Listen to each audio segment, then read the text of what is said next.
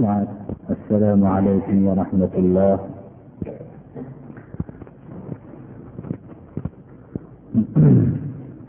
bugungi darsimiz qur'oni karimdan davom etayotgan darsimiz o'tgan millatlar tajribalaridan ikkita tajribani bizlarga tushuntirib beradi o'tgan millatlar tajribasini alloh subhanahu va taolo islom millatiga bayon qilib berishligi olloh o'zining hikmatini o'zi biladi ba'zi hikmatlarini qur'oni karimda bayon qilib لقد كان في قصصهم لقد كان في قصصهم عبرة لأولي الألباب o'tgan millatlarning qissalarida aqlli kishilarga ibratlar bor.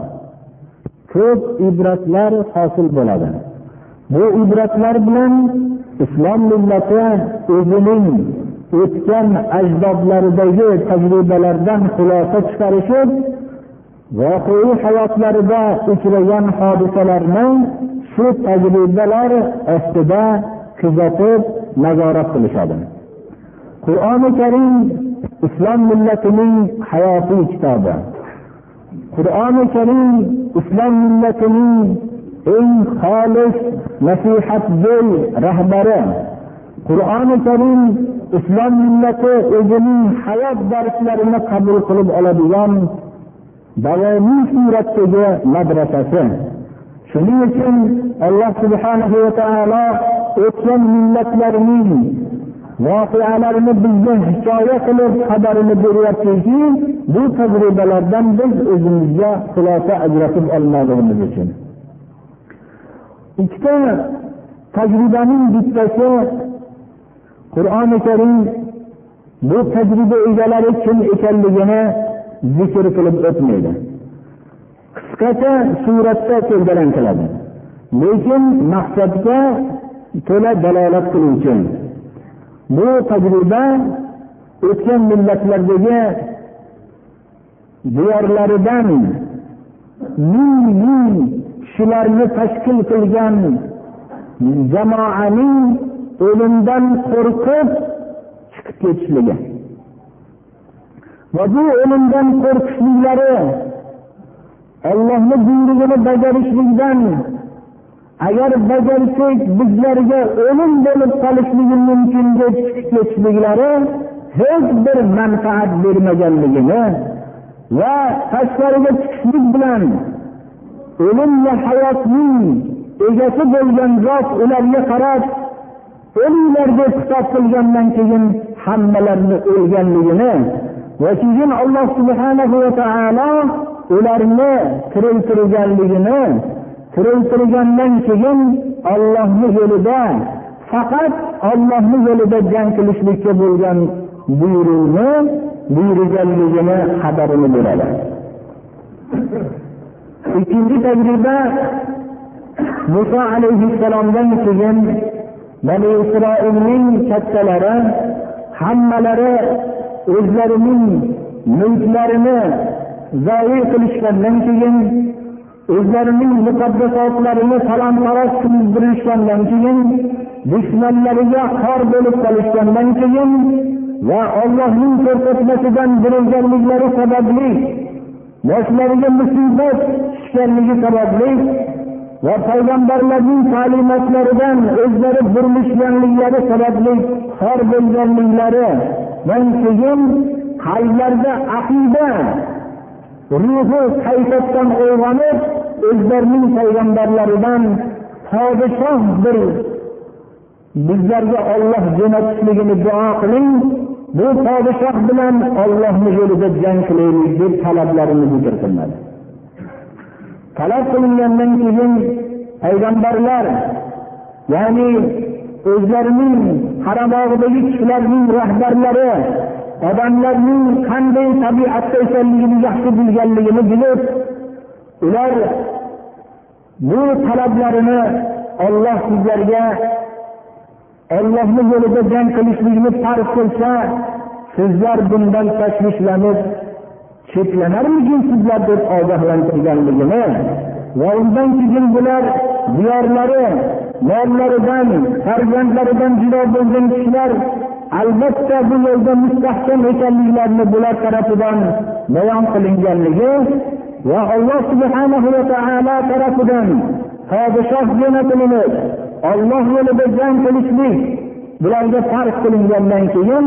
ularning ko'pchiliklarini bosh tortganliklarini xabarini beradi. Har bir millatda ham shunday bo'ladi. Inson qalbidagi hamiyat birdan qo'zg'alib ollohni yo'lida har qanday xizmatga tayyor ekanligini hamiyat sababli bayon qiladida bu ish jiddiylashgan vaqtda bu hamiyatni ko'rsatgan kishilarning aksarlari chekinib qoladi birodarlar.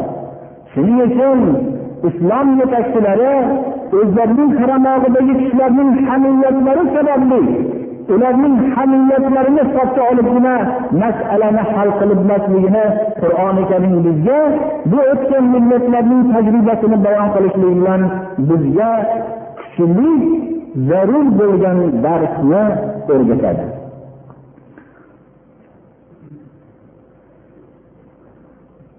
أعوذ بالله من الشيطان الرجيم ألم تر إلى الذين خرجوا من ديارهم وهم ألوف حذر الموت؟ فقال لهم الله موتوا ثم أحياهم. إن الله لذو فضل على الناس ولكن أكثر الناس لا يشكرون.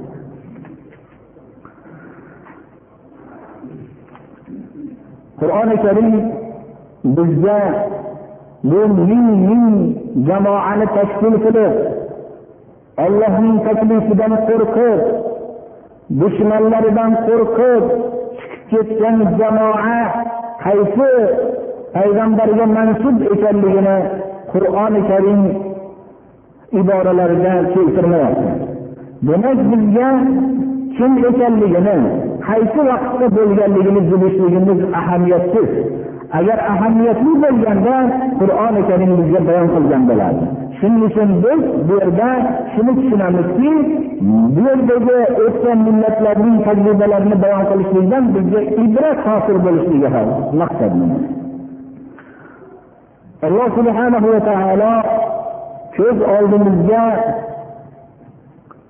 ming ming jamoalarni manzarasini olib kelib muhammad alayhissalomga va u kishi vositasi bilan har bir hisobga sazovor bo'lgan kishiga ko'rinish o'zlarining diyorlaridan ming ming jamoa bo'la turib o'limdan qo'rqib chiqib ketgan kishilarni ming ming jamoani tashkil qilgan kishilar hammalari ittifoq bo'lishsalar o'limdan qo'rqib chiqib ketishlariga hojat yo'q edi. Undan tashqari o'limdan qo'rqish o'limdan insonni saqlay olmasdi. O'lim va birovga hayot bag'ishlashlik alloh subhanahu va taoloning qudrat qo'lida edi. O'limdan qo'rqish foyda bermasdi. Yoinki o'limdan qo'rqish insonning umrini uzaytirmaydi. Alloh subhanahu va taolo hayotni beruvchi zot va hayotni oluvchi zotdir. Va hayot berishlik bilan hayotni olishlik bilan olloh insonlariga marhamat qiluvchidir.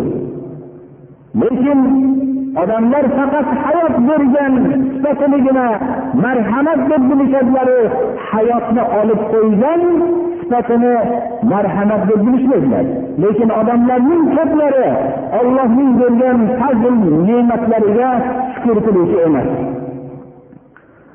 Demak biz shunday tushunmoqligimiz kerakki o'lim insonlarga berilishligi bilan bunda hikmat yo'q emas buni tagida albatta hikmat bor.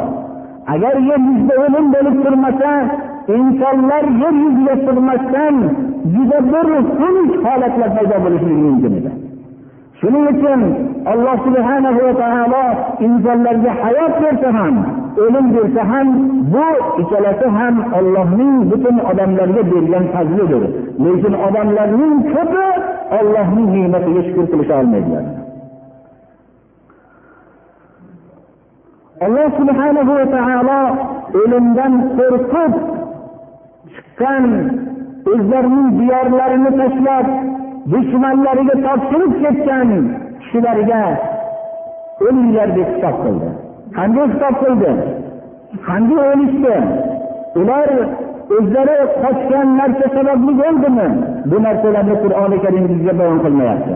Faqat shuni bilamizki alloh subhana va taolo tarafidan o'lish buyrug'i bo'lishi bilan butun koinotdagi har bir narsa ollohni hukmiga bo'ysungandek hammalari shu yerda o'ldi.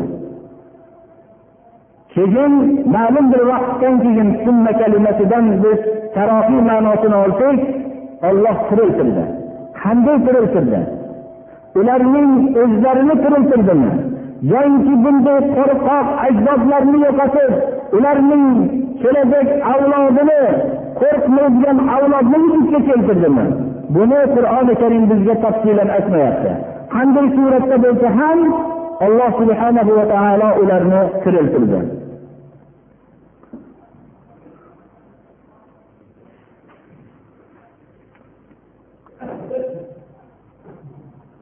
olloh mana avvalda ham aytdik o'lim berishlik bilan hayot berishlik bilan insonlarga marhamat qiluvchi zotdir lekin odamlarning ko'pi ollohning ne'matlariga shukur qila olmaydi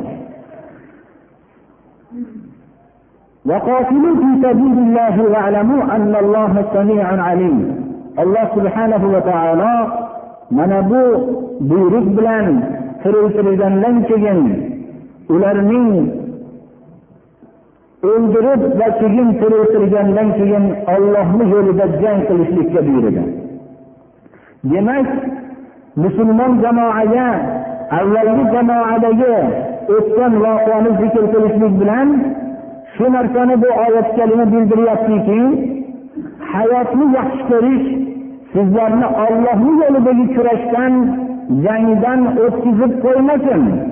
Yo o'limdan qo'rqishlik ollohni yo'lidagi jangdan chekintirmasin. Ollohni yo'lida jang qilinglar. Faqat ollohni yo'lida boshqa g'animatlarni ko'paytirish yo yer maydonlarini ko'paytirish maqsadida emas yoki shaxsiy unvonlarni ko'tarishlik yo'lida emas faqat ollohni yo'lida jang qilinglar. Bilinglarki olloh eshituvchi bandalarning nidosini eshitib turuvchi va ularning niyatlarini ifodalanayotgan so'zlarni eshitib turuvchi va ularning haqiqiy niyatlarini ham biluvchidirlar olloh yo'lidagi jihod insondan jonini bag'ishlashlikni talab qilganga o'xshagan uning molini ham bag'ishlashlikni talab qiladi.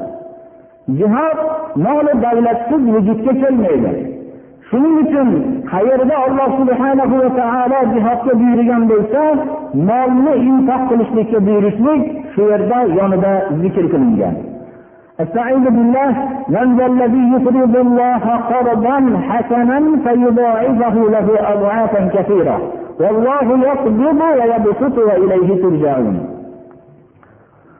alloh subhanahu va taolo mana shu oyatda infoqqa olloh yo'lidagi infoqqa shunday targ'ib qildiki bu kalima agar har bir qalbida baxillik bo'lgan kishiga shu kalimaning mazmuni ma'lum bo'lsa shu vaqtda unda baxillik kasali yo'qoladi. Alloh subhanahu va taolo hamma molni bizga o'zi berdi. Uning sabablarini hammasini o'zi muhayyo qilib qo'ydi. Banda o'zi biror bir rizqni yaratdim deb davo qila olmaydi. Bunday davo qilgan odam o'zining nodonligini isbot qiladi.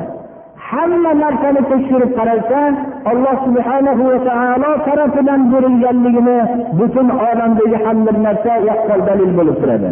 Buni isbotlaydi. Shunday o'zi bergan narsani olloh shu bandadan qarz deb so'rayapti birodarlar. Inson buni eshitganda hijolat bo'lib ketadi. Mabodo bir kishining otasi farzandiga moli davlatlarini berib ey farzandim menga qarz berib turgin senga ko'paytirib beraman desa agar farzandi aqlli bo'lsa shu vaqtda hijolatli bo'lib mendan nima uchun qarz so'raysiz? Bor moli mulkim sizniki deydi birodarlar. Alloh subhanahu va taolo yana bandalarga hamma rizqni berib turib kim ollohga yaxshi qarz berib turadi deb kitob qilyapti birodarlar olloh yana u bandaga qarzini bergan qarzini juda ham ko'paytirib beradi. Banda qo'rqmasin olloh yo'lida sarf qilishlikdan meni molim tang bo'lib ozayib qoladi deb. Olloh uni kamaytirib qo'yadi agar xohlasa uni moli davlatini ollohni yo'lida berishligi kamaytirmaydi olloh kamaytiradi agar xohlasa bermasligim meni davlatman qiladi deb o'ylamasin. Olloh xohlasa kengaytiradi. Uni berishligi bermasligi moli davlatni ko'paytirmaydi. Alloh subhanahu va taolo o'zi uning molini vasiya qiladi. Mol nima? Mol qanchalik e'tibori bor? Va ilayhi turjaun o'zinglar ollohni huzuriga ketyapsizlar. Molni e'tibori nima? Insonni o'zi ollohning huzuriga qaytarilyapti. Demak banda ollohning huzuriga yakka o'zi holatda bormasdan molini ham olib ketmoqligi kerak.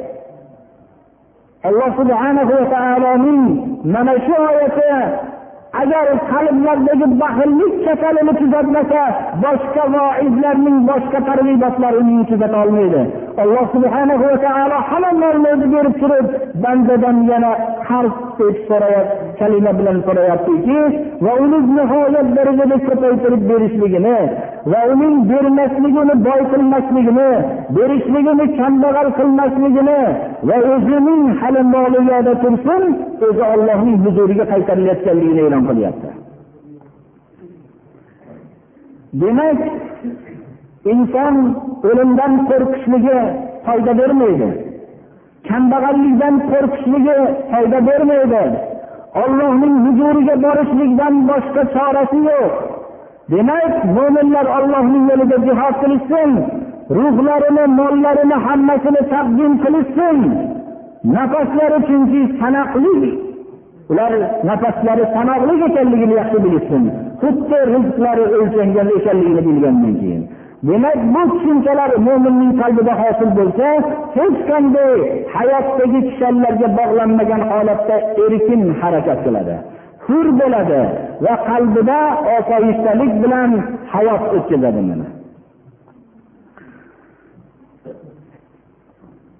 O'tgan millatlardagi ikkinchi tajribani alloh subhanahu va taolo bani isroil jamoasining kattalari muso alayhissalomdan keyin u kishi vafot topib ketganlaridan keyin bularning bir to'planib o'zlarining keyingi kelgan payg'ambarlariga iltijo qilishib payg'ambarning nomini qur'oni karim zikr qilmayapti. Shuning uchun biz ham zikr qilmaymiz.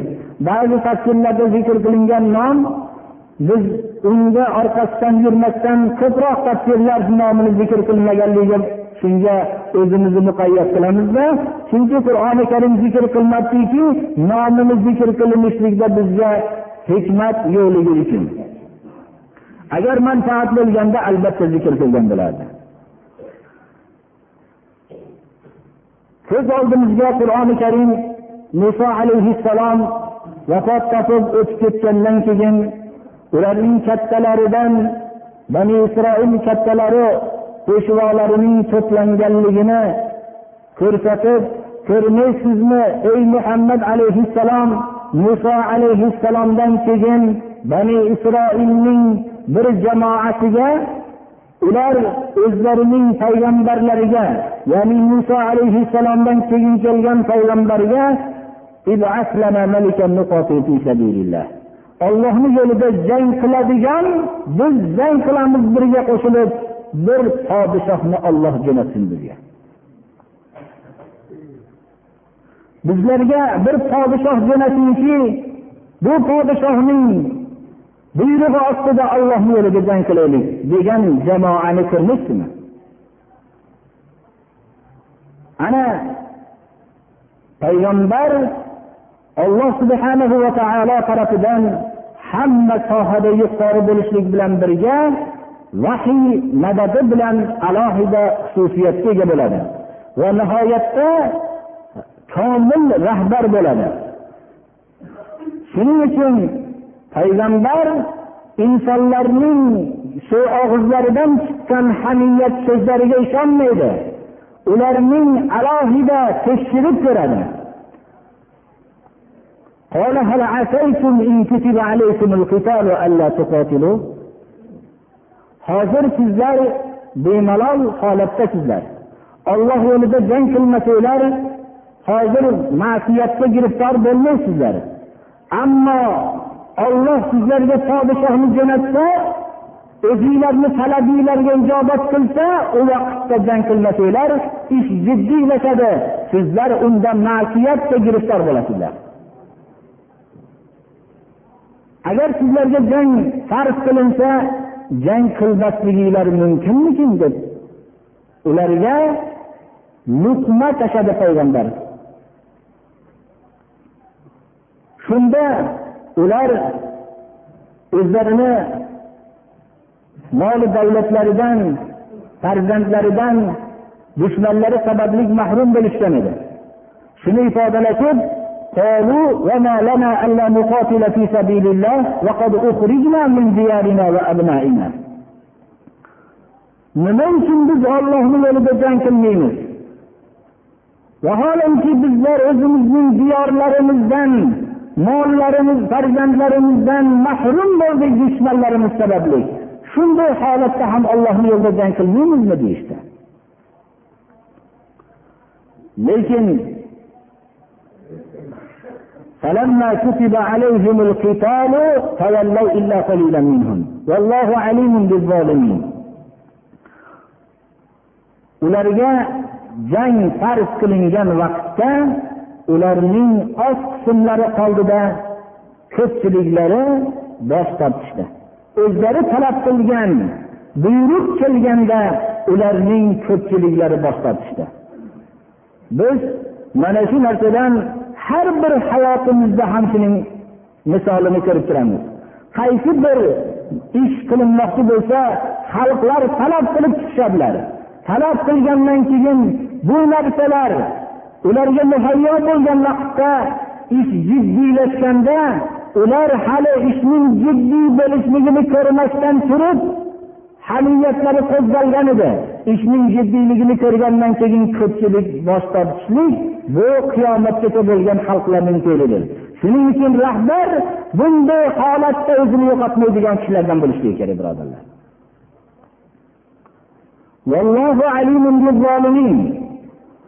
Olloh zolimlarni biluvchi haq ekanligini bilib haq ekanligini o'zining haq yo'lda ekanligini bilib dushmanining botilda ekanligini bilib xuddi bani isroil jamoalari bilgandek o'zlariga ollohni yo'lida jang qilishligini jang qilishliklari uchun podshoh jo'natilishligini talab qilgandan keyin shundan keyin bosh tortgan odamlar haqiqiy zolimlar. Birinchi o'ziga zulm qilgan kishilar. Ikkinchi payg'ambariga zulm qilgan kishilar.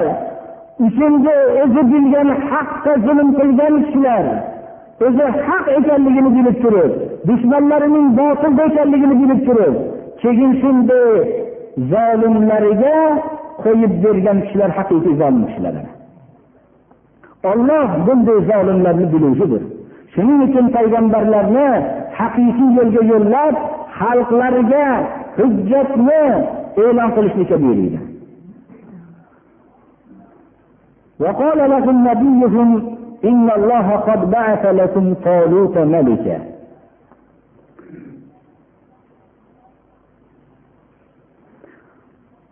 ularning payg'ambarlari bani isroil jamoasiga aytdilarki olloh sizlarga tolutni podshoh qilib jo'natdi mana sizlar podshoh talab qiluvdinglar buyrug'i ostida jang qiladigan tolutni podshoh qilib jo'natdi ana shu vaqtda o'zlari talab qilgan narsa kelganda ular قالوا أن يكون له الملك علينا ونحن أحق بالملك منه ولم يؤت سعة من المال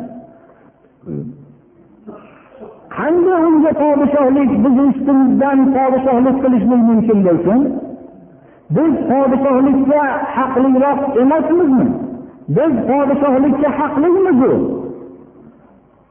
vaholanki tolibga vasa bir mol berilgan xalqlar moli davlati ko'p bo'lmagan kishini doim e'tiborga olmasdan kelgan umumiy xalqlar. Podshoh degan bizlarni podshohimiz bo'ladigan odam vasa mol berilgan bo'lishligi kerak ediyu deb darrov o'zlarining talablari qondirilgandan keyin husumat yo'liga tushdilar قال إن الله اصطفاه عليكم وزاده بسطة في العلم والجسم والله يؤتي ملكه من يشاء والله واسع عليم payg'ambarlari ularga bu kishining podshohlikka sazovorlik sababini bayon qildilar. Va podshoh bo'lishlikka loyiq qilgan narsani e'lon qildilar. Olloh tolibni sizlarga podshoh bo'lishligini tanladi. Olloh bir kishini podshoh bo'lishligini tanlasa shu podshohlikka loyiqdir. Ollohni tanlashligi o'zi kifoya qiladi. Va shu bilan birga ilm va jasadda vasiylik bemalollikni berdi podshoh rahbar ilmda vasiy bo'lmoqligi kerak. Alloh subhanahu va taolo bir kishini podshoh qilib tanlagan bo'lsa ilmda vasiy qilib tanlagan. Bu ilmda vasiy bo'lmagan podshohlar albatta xalqlarga zulm qiladi. Va shu bilan birga jasadda podshohlik quvvat bilan ham boshqarilganligi uchun jasadda ham vasiy qildi deyapti. Chunki xalqlar jasadda quvvatli bo'lmagan kishini e'tiborga olmaydi. Alloh subhana va taoloning bir hikmatiki bu xalqlarga rahbarlik qiladigan xususan lashkarlarga rahbarlik qiladigan kishilar o'zi jasadda vasa bir bemalol bo'ladigan kishilarni alloh taolo tanlagan shuning uchun ham dinga mansub bo'lmagan xalqlar ham biror bir qo'mondon yo boshqa tanlashlikda jasadining avval imtihondan o'tkazishadilar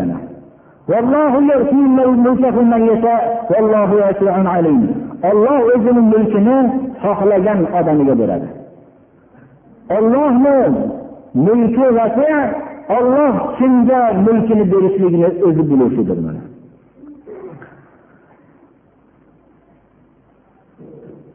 Shu bilan birga alloh subhanahu va taolo tolutni podshoh qilishlik bilan birga podshohligiga belgi ham berdi. Payg'ambarlari bani isroildan bo'lgan payg'ambar nomlari kim bo'lsa ham bu kishi ularni tolutning podshohlik belgisini ishora qilib ularga xitob qildi. وقال لهم نبيهم إن آية ملكه أن يأتيكم التابوت فيه سكينة من ربكم وبقية مما ترك آل موسى وآل هارون تحمله الملائكة. إن في ذلك لآية لكم إن كنتم مؤمنين. bani isroil muqaddas yerdan quvg'in qilingan vaqtda ularning dushmanlari bularning qo'llaridan muqaddasot qadimiy tarixiy payg'ambarlardan qo'lma qo'l kelayotgan boyliklarni muqaddasotlarni tortib olishgan edilar. Bularni hammasini bir tobutga ya'ni sondiqqa solib saqlashardilar. Uning shakli qanday bo'lishligidan qat'iy nazar. Muso alayhissalomning ahllaridan horun alayhissalomning ahllaridan tortib kelgan qoldiqni hammasini bir sandiqda saqlashardilar. Buni dushmanlari olib ketgan edi. Hatto ba'zi rivoyatlarda aytiladiki muso alayhissalomga alloh subhanahu va taolo tushirgan tur tog'idagi tushirgan tavrotning ba'zi qoldiqlari ham bor edi. Ana shunda mo'jizani alloh subhanahu va taolo tavlidga berdi. Payg'ambarlari bu mo'jiza bilan ogohlantirib ularga aytdiki hovlisning podshohligini belgisi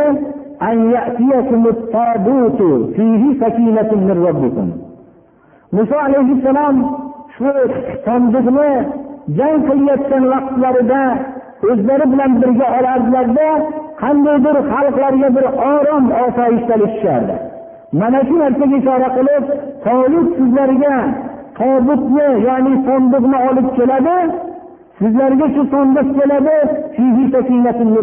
Bu sandiqda robbiylar taraflaridan sizlarga bir osoyishtalik bor xotirjamlik bor. Va muso alayhissalomning ahllari horun alayhissalomning ahllaridan bo'lgan qoldiqlar saqlangan. Mana bu tolibning podshohligini belgisi. Bu narsani maloikalar ko'tarib keladi deb e'lon qildilar. Haqiqatda shu mo'jiza sodir bo'ldi.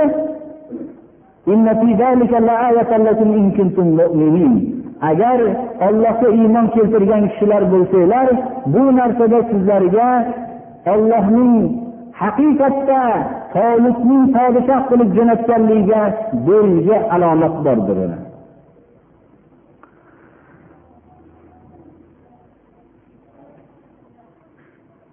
tolib hikoyasi qur'oni karimda shu poraning oxirigacha davom etadi. Yana yarim betdan ko'ra ko'proq qismni o'z ichiga olgan. Inshaalloh buni kelgusi darsda davom ettiramiz. Biz shu narsani xulosa qilib olishimiz kerakki keyingi tajribalar nihoyat darajada bizga ahamiyatli. Allohning payg'ambarlari kishilarning og'izlaridan chiqqan hamiyatlar asosida ish qilishgan emas mana har bir xalqning bilan gaplashib suhbatdosh bo'lgan kishi kishilar avvalda bir narsalarni hamiyat bilan talab qilishadilarda ish jiddiy bo'lgandan keyin u hamiyat vaqtidagi jur'atlari yo'qoladi. U maqsadlari yo'qoladida go'yoki odamlarni boshqa odamlarmikin degan darajada o'zgarishlar vujudga keladi. Mana bu narsa qur'oni karimdagi bizga o'tgan bani isroil millatidan katta peshvolari o'zlarining payg'ambarlaridan talab qilgan narsani keyin talab qilgan narsalari vujudga kelgandan keyin tamoman ular bunga husumat qilib turishganliklarini hatto mo'jiza kelgandan keyin ham keyingi darslarimizda inshaalloh davom ettiramiz. Ular nechi insondan tushib tushib qolganligini hammasini bayonini alloh taolo bizga xabar beradi. Shundan bilishimiz kerakki ba'zi vaqtlarda musulmon xalqlari bilan ba'zi narsalar maslahat qilingandan keyin ularning saflaridan juda ko'p odamlarning tushib qolishligi insonlarga tushkunlik bag'ishlashligi kerak emas. Bu so'zlar tozalanib boraveradi. Kimlar bu so'zni qalbi bilan aytgan? Kimlar faqat bir hamiyat og'izlarida aytgan bu narsani hayot o'zi sekin hal qilib beradi. Rahbarning vazifasi xalqlarning u hamiyatlari bilan ish qilmasdan qalblaridagi butun niyatlarini oshkor qiladigan tajribalar bilan yetaklab olib borishlikdir mana. Xuddi ollohning payg'ambarlari va olloh o'zi jo'natgan podshohlar ana shunday tajriba asosida olib borishgan edilar. Alloh subhanahu va taolo mana shu qur'oni karim darslaridan o'zimizga xulosa ajratib oladigan kishilardan qilsin. Alloh taolo bu bizga o'tgan xalqlarning voqealarini o'zimizga xulosa chiqarib bulardan ibratlanishligimiz uchun xabar beryapti. Shu olloh o'zi shu maqsadda bizlarga qur'oni karimni nozil qildi. Mana shu narsalarni bizlar ham hayotimizda tadbiq qilishlikka olloh o'zi madad qilsin. Alloh taolo bizlarni qur'oni karim oyatlari bilan ibratlanishlikni alloh bizga ham nasib qilsin. Bu birodarimiz ikkitalari bir duo qilyaptilar qo'ylarni go'shtini ba'zilarini masalan haligi bu dumsiz qo'ylarni dumli qo'ylarni shularni farqi yo'q biz hammasini qo'y deb bilamiz. Shularni bismillahi allohu akbar bilan so'yilsa go'shti halol bo'ladi albatta.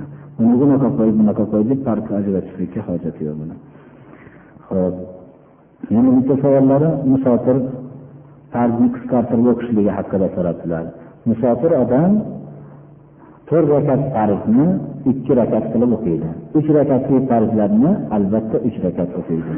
Manzillarga yetganda mushkotul masobihda manzilga yetganda sunnatlarni o'qiydi. Safarda yo'lda ketayotganda sunnatlarni o'qimasa hech qanday zarari yo'q. Bundan ixtilof tushishlikka sabab bo'lmasligi kerak birodarlar. Chunki biz shunday tushunishimiz kerak. Alloh subhanahu va taolo peshin namozini ko'rsak bizga to'rt rakat farz namoz o'qishlikni farz qildi. To'rt rakat namozni o'qiymiz. Payg'ambarimiz sollallohu alayhi vasallam o'zlarining hayotlarida peshindan ilgari to'rt rakat namoz peshindan keyin ikki rakat. Ba'zi rivoyatlarda to'rt rakat o'qiganliklari rivoyat qilinadi. Shuning uchun biz ham peshin namozi ya'ni to'rt rakat farzdan ilgari to'rt rakat namoz o'qishligimiz sunnat bo'ldi. Va undan keyin ikki rakat namoz o'qishligimiz sunnat bo'ldi chunki u zot ko'p vaqtlarida shuni davomiy suratda o'qidilar shu zot safarga chiqqanlarida shu to'rt rakat farzni qisqa qilib o'qidilar bo'lmasam biz ikki rakat o'qishligimiz juda qiyin agarmi qayerdan oldik buni payg'ambarimiz sollallohu alayhi vasallam ikki rakat farz o'qiganlari uchun biz ham ollohni buyrug'i bo'lganligi uchun ikki rakat farz o'qiymiz sunnatni safarda shu manzilga yetganlikda o'qishlikka mishkatda hujjat bor ekan. Va yo'lda ketayotgan vaqtda sunnatni o'qimasa hech qanday bir zarari yo'q. Chunki shu zot safarda o'qimagan ukalarim bilan ko'p yildan beri biz dard tortamiz alloh taolo bir bizlarga shifo bersin. Shifolanib islom diniga xizmat qilaylik debdilar. Bu birodarimiz bizni oilalarimizdan bir islomni tushunishlikni alloh nasib qilsin debdilar ba'zi fikrlarda kelisholmayotganligini mana bir birodarimiz bizani tolib ilmimiz bir zehnimiz ochilib ketsin din islomga xizmat qilaylik debdilar alloh taolo shu maqsadlarini o'zi bersin. Bir ukamiz qattiq uzoq vaqtlardan beri dard tortyapti bir ikki duolar qildik. Endi bir shifolangani bir joyga ketayotgan ekan alloh taolo o'zi shifo bersin o'zini huzuridan. Tuzalib islomga xizmat qiladigan kishilardan bo'lsin. اللهم تقبل منا انك انت السميع العليم اللهم ارحمنا بالقران العظيم واجعله لنا اماما ونورا وهدى ورحمه اللهم ذكرنا منه ما نسينا وعلمنا منه ما جهلنا ورزقنا تلاوته آناء الليل وآناء النهار واجعله لنا حجة يا رب العالمين. الله ما سبحانه وتعالى أما بزي إلادة زكاة الحسن إن الله لم يجمع الحسن إن الله لم يجمع الحسن الله أكبر